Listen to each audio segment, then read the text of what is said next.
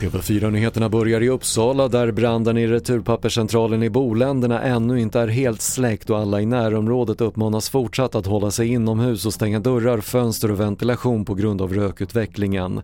Tågtrafiken är däremot igång igen och ska gå som vanligt.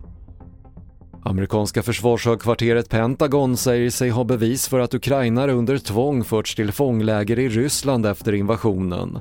Från rysk sida hävdar man att de kommit dit frivilligt men enligt Pentagon har tusentals förts bort med våld. You don't have to look very far to see evidence of Russian brutality here. Every time you think they just can't fall to a new low, they prove you wrong.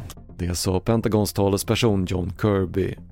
Och en av Andy Warhols mest kända målningar, ett porträtt av Marilyn Monroe från 1964, såldes för närmare 2 miljarder kronor vid en auktion på Christie's i New York och det är en ny toppnotering för 1900-talskonst.